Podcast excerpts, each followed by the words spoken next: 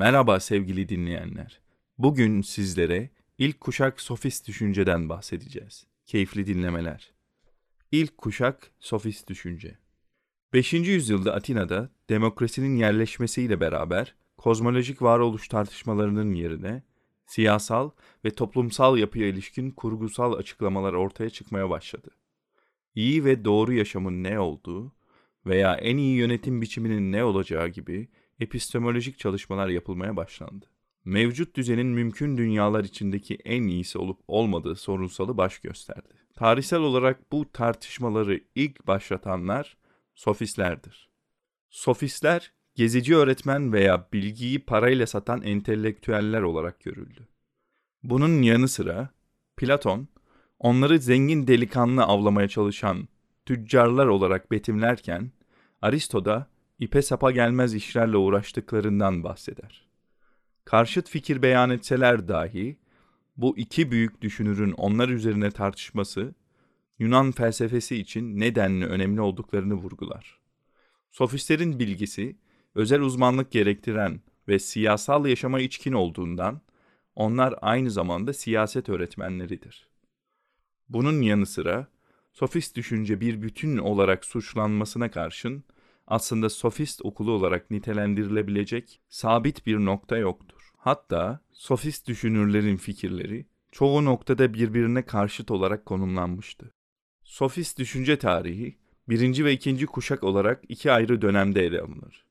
Birinci kuşak sofistler Protagoras, Gorgias, Prodikos ve Hippias'tır. Bunlardan en ünlü olan düşünürler Protagoras ve Gorgias'tı. Protagoras'a göre doğruluğun göreceli biçimi siyasal alana da yansır. Yani her polis yani şehir için ortak bir doğru yoktur. Bu bilgileri belli kesim insanlara öğretmeleriyle beraber bu düşüncenin elitizmi içeren yanı da ortaya çıkar. Onlara göre polise yani şehire en üstün amacını kazandıran unsur insanın varlığıdır. Devlet ikinci konumdadır ve başından beri devlete içkin bir durumun varlığı söz konusu değildir. Devletin insan istenci neticesinde ortaya çıkan bir ürün olduğu fikri, onları devletin doğal olduğu ve üstün amaç olduğu fikrinin karşısına koyar. Toplum sözleşmesi düşüncesinin temeli olarak sayılabilecek bu adım, devletin ve yasaların da değişebilirliğini ortaya koyar.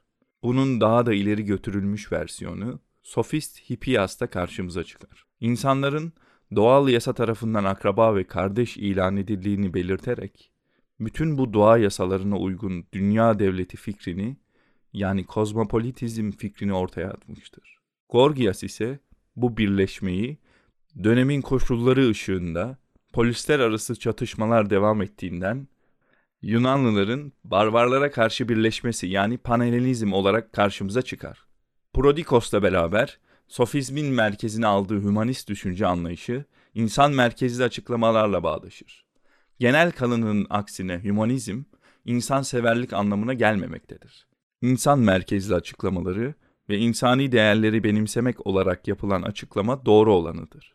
Bu noktada sofistlerin insanı merkeze koyarak Tanrı'dan uzaklaştıkları veya tanrısız oldukları iddiaları belirginleşir. Oysa Prodikos'un açıklamalarıyla da kavramsallaştırdığı üzere bu bakış açısı sadece tanrı merkezli söylemlerden kaçınmak anlamına gelir. Tanrıların kendilerinden değil. Prodikos'la başlayarak Protagoras ile yenilenen açıklama doğrultusunda tanrılara ilişkin engin bilgileri bilemeyeceğimiz kanısına varırlar. Bu tür tanrısal merkezli tanımlamaların insanları korku ve esarete ittiği gerekçesine dayanarak savlarını ortaya koyarlar. Mutlak bir bilginin olamayacağı savıyla relativist görüşü benimseyen sofistler, bilginin değişken yapısını sabit bir özneyle yani insan figürüyle açıkladıkları için Protagaras'ın da meşhur ifadesinde belirttiği üzere insanı her şeyin ölçüsü olarak ilan ederler. Sofistlerin insanı mikrokozmoz olarak konumlandırmaları neticesinde tekil bir bireyden ziyade toplumsal bireyi temel aldıkları anlaşılır. Bu nedenle toplumun birliği yanlısı oldukları için aynı zamanda konvansiyonel anlayışta benimsedikleri kabul görür. Birinci kuşak düşünürler arasında şüphesiz en sivri yaklaşımlara Gorgias'ta rastlarız. Üç aşamalı akıl yürütmesinde sofist şüpheciliği ve göreliliği daha da ileri götürerek nihilizme ulaşmıştır.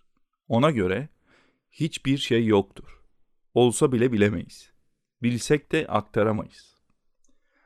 Mutlak bilginin imkansızlığı olarak karşımıza çıkan bu akıl yürütme, konuşma eyleminin dahi bir yanılsama olarak düşünebileceğini akla getirir. Seslendiren Aykut Tüzemen